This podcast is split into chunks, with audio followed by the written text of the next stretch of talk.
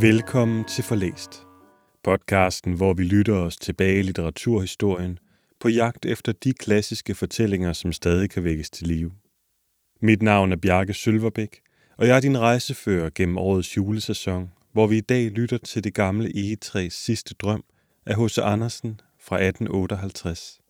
God fornøjelse.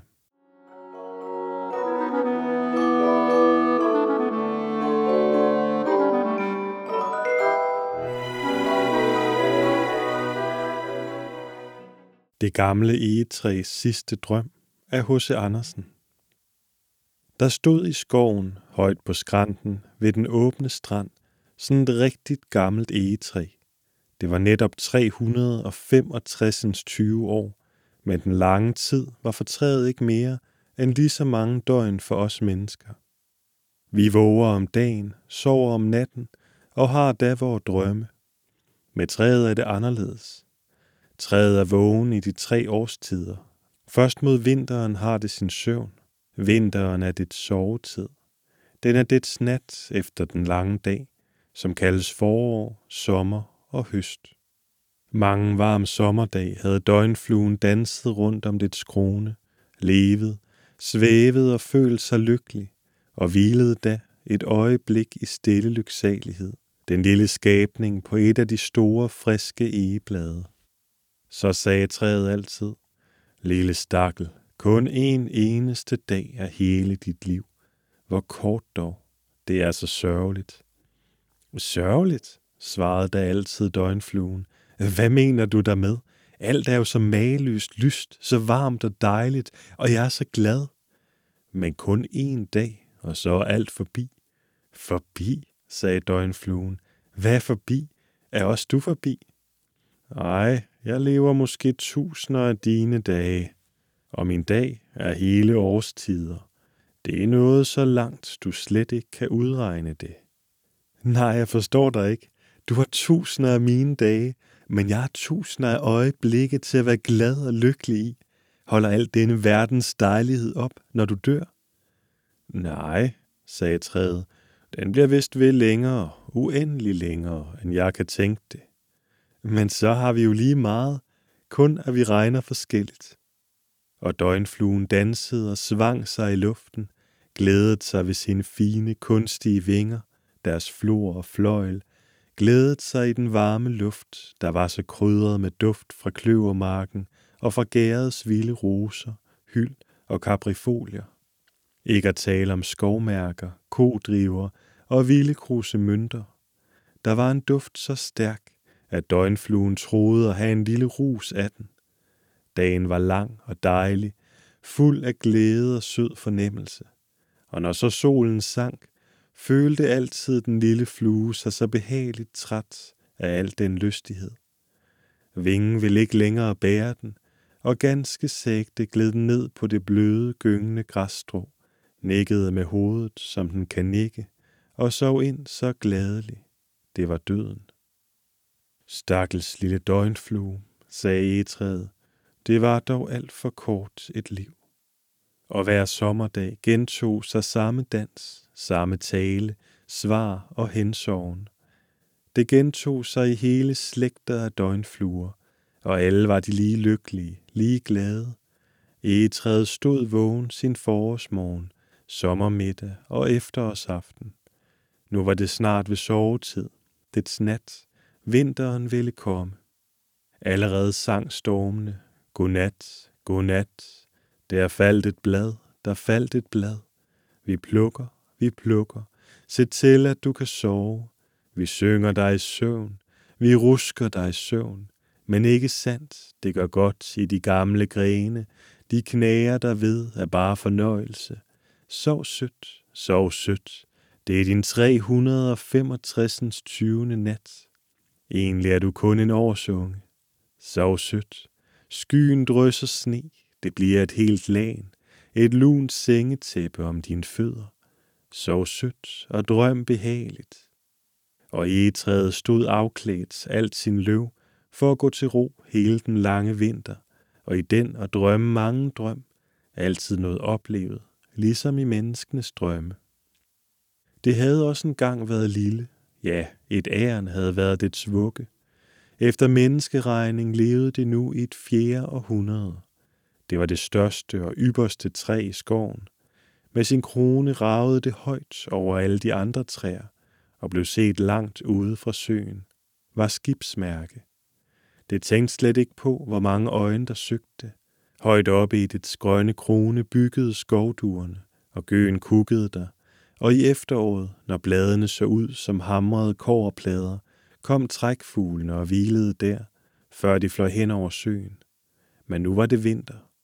Træet stod bladløs. Man kunne ret se, hvor bugtede og krogede grenene strakte sig. Kraver og alliger kom og satte sig skiftevis der og talte om de strenge tider, som begyndte, og hvor svært det var at få føden om vinteren. Det var just den hellige juletid. Da drømte træet sin dejligste drøm. Den skal vi høre. Træet havde tydeligt en fornemmelse af, at det var en festlig tid. Det syntes at høre rundt om alle kirkeklokker ringe, og dertil var det som på en dejlig sommerdag, mildt og varmt. Det bredte ud så frisk og grøn sin mægtige krone. Solstrålerne spillede mellem blade og grene. Luften var fyldt med duft af urter og buske. Brogede sommerfugle legede til fat, og døgnfluerne dansede, som var alt kun til, for at de skulle danse og fornøje sig. Alt, hvad træet igennem åringer havde oplevet og set omkring sig, drog forbi, som i et helt festoptog. Det så fra gammel tid ridder og fruer til hest, med fjer i hatten og med falk på hånd, ride gennem skoven. Jagthornet lød, og hundene halsede, det så fjendtlige soldater i blanke våben og broede klæder, med spyd og hellebarter, slå telt op og atter tage det ned. Vagtdillen blussede, og der blev sunget og sovet under træets udstrakte grene. Det så kæreste folk i stille lykke mødes her i måneskin og skære deres navne, det første bogstav, ind i den grågrønne bark. Sitar og vindharpe var engang, ja, der lå åringer imellem, hængt op i en grene af rejsende mundre svende. Nu hang de der igen. Nu klang de der igen så yndeligt. Skovduerne kurede, som ville de fortæller, hvad træet følte der ved, og gøen kukkede, hvor mange sommerdag det skulle leve. Der var det, som om en ny livstrømning rislede det lige ned i de mindste rødder og op i de højst højstragende grene, lige ud i bladene. Træet følte, at det strakte sig derved, Ja, det fornemmede med rødderne, hvorledes der også nede i jorden var liv og varme. Det fornemmede sin styrke tage til. Det voksede højere og højere. Stammen skød op. Der var ingen stilleståen. Den voksede mere og altid mere. Kronen blev fyldigere, bredte sig, løftede sig, og alt som træet voksede, voksede også dets velværen, dets lyksaliggørende længsel efter altid at nå højere, lige op til den lysende varme sol. Allerede var det vokset højt op over skyerne, der som mørke trækfugleskare eller store hvide svaneflokke drog hen over det. Og hvert af træets blade kunne se, som havde det øjne at se med. Stjernerne blev synlige ved dagen, så store og blanke. Hver af dem blinkede som et par øjne, så milde, så klare. De mindede om kendte, kærlige øjne, barneøjne kærestefolks øjne, når de mødtes under træet. Det var et livsaligt øjeblik, så frydefuldt, og dog i al den fryd fornemmede det en længsel og lyst efter, at alle de andre skovens træer dernede, alle buske, urter og blomster måtte kunne løfte sig med, føle og fornemme denne glans og glæde. Det mægtige egetræ i al sin herlighedsdrøm var ikke fuldt lykkelig, uden at have dem alle, små og store, og denne følelse bævede igennem grene og blade, så inderligt, så stærkt som i et menneskes bryst. Træets krone bevægede sig, som om det søgte og savnede, så tilbage. Da fornemmede det duft af skovmærker, og snart endnu stærkere duft af kaprifolier og violer. Det troede at kunne høre gøen svare sig. Jeg gennem skyerne pippede frem skovens grønne toppe – det så under sig, de andre træer voksede og løftede sig som det. Buske og urter skød højt i vejret. Enkelte rev sig løs med rod og fløj hurtigere. Birken var snarest. Som en hvid lynstråle knitrede den slanke stamme opad. Grenene bølgede som grønne flor og faner. Den hele skovnatur, selv det brunfjedrede rør, voksede med. Og fuglene fulgte med og sang. Og på strået, der som et langt grønt silkebånd løst flagrede og fløj, sad græshoppen og spillede med vingen på sit skinneben. Oldenborgene brummede og bierne summede, hver fugl sang med sit næb. Alt var sang og glæde lige ind i himlen. Men den lille blå blomst ved vandet, den skulle også med, sagde egetræet, og den røde klokkeblomst, og den lille gåseurt. Ja, en vil have dem alle sammen med. Vi er med, vi er med, sang og klang det. Men de smukke skovmærker fra forrige sommer og året forud var her et flor af liljekonvaller, og det vilde æbletræ, hvor stod det dejligt. Og al den skovpragt i åringer, i mange åringer, havde den dog levet og blevet til nu, så havde den dog også kunne være med. Vi er med, vi er med, sang og klang det endnu højere oppe. Det syntes som om de var flået foran. Nej, det er alt for utroligt dejligt, jublede den gamle E. Jeg har dem alle sammen, små og store, ikke en er glemt. Hvor er dog al den lyksalighed mulig og tænkelig? I Guds himmel er den mulig og tænkelig, klang det.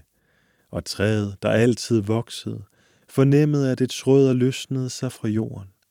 Det er nu det allerbedste, sagde træet. Nu holder mig ingen bånd. Jeg kan flyve op til det allerhøjeste i lys og glans.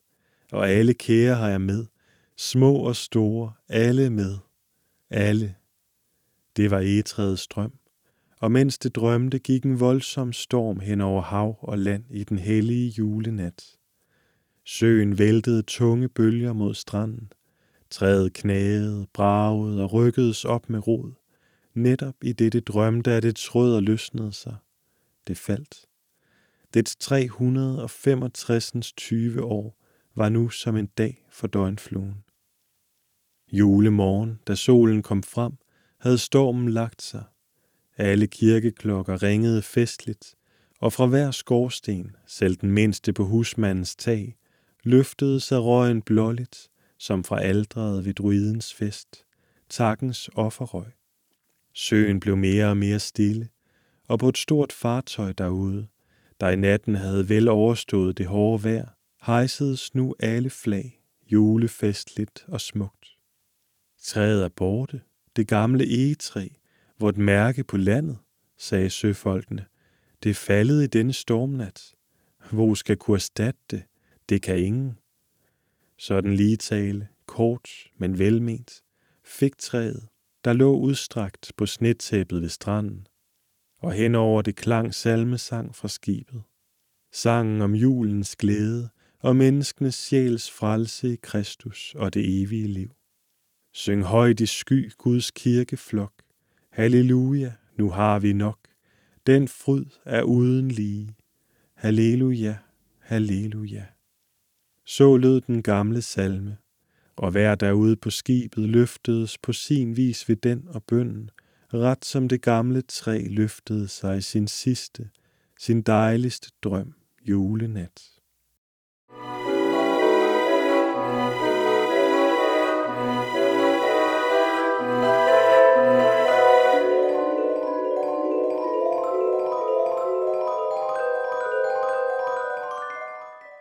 Tak fordi du lyttede med. Hvis du vil vide mere om H.C. Andersen, kan du læse mere på forlæst.dk. Her kan du også skrive til mig, hvis du har kommentarer til afsnittet, eller forslag til, hvad vi skal læse i fremtiden. På genhør.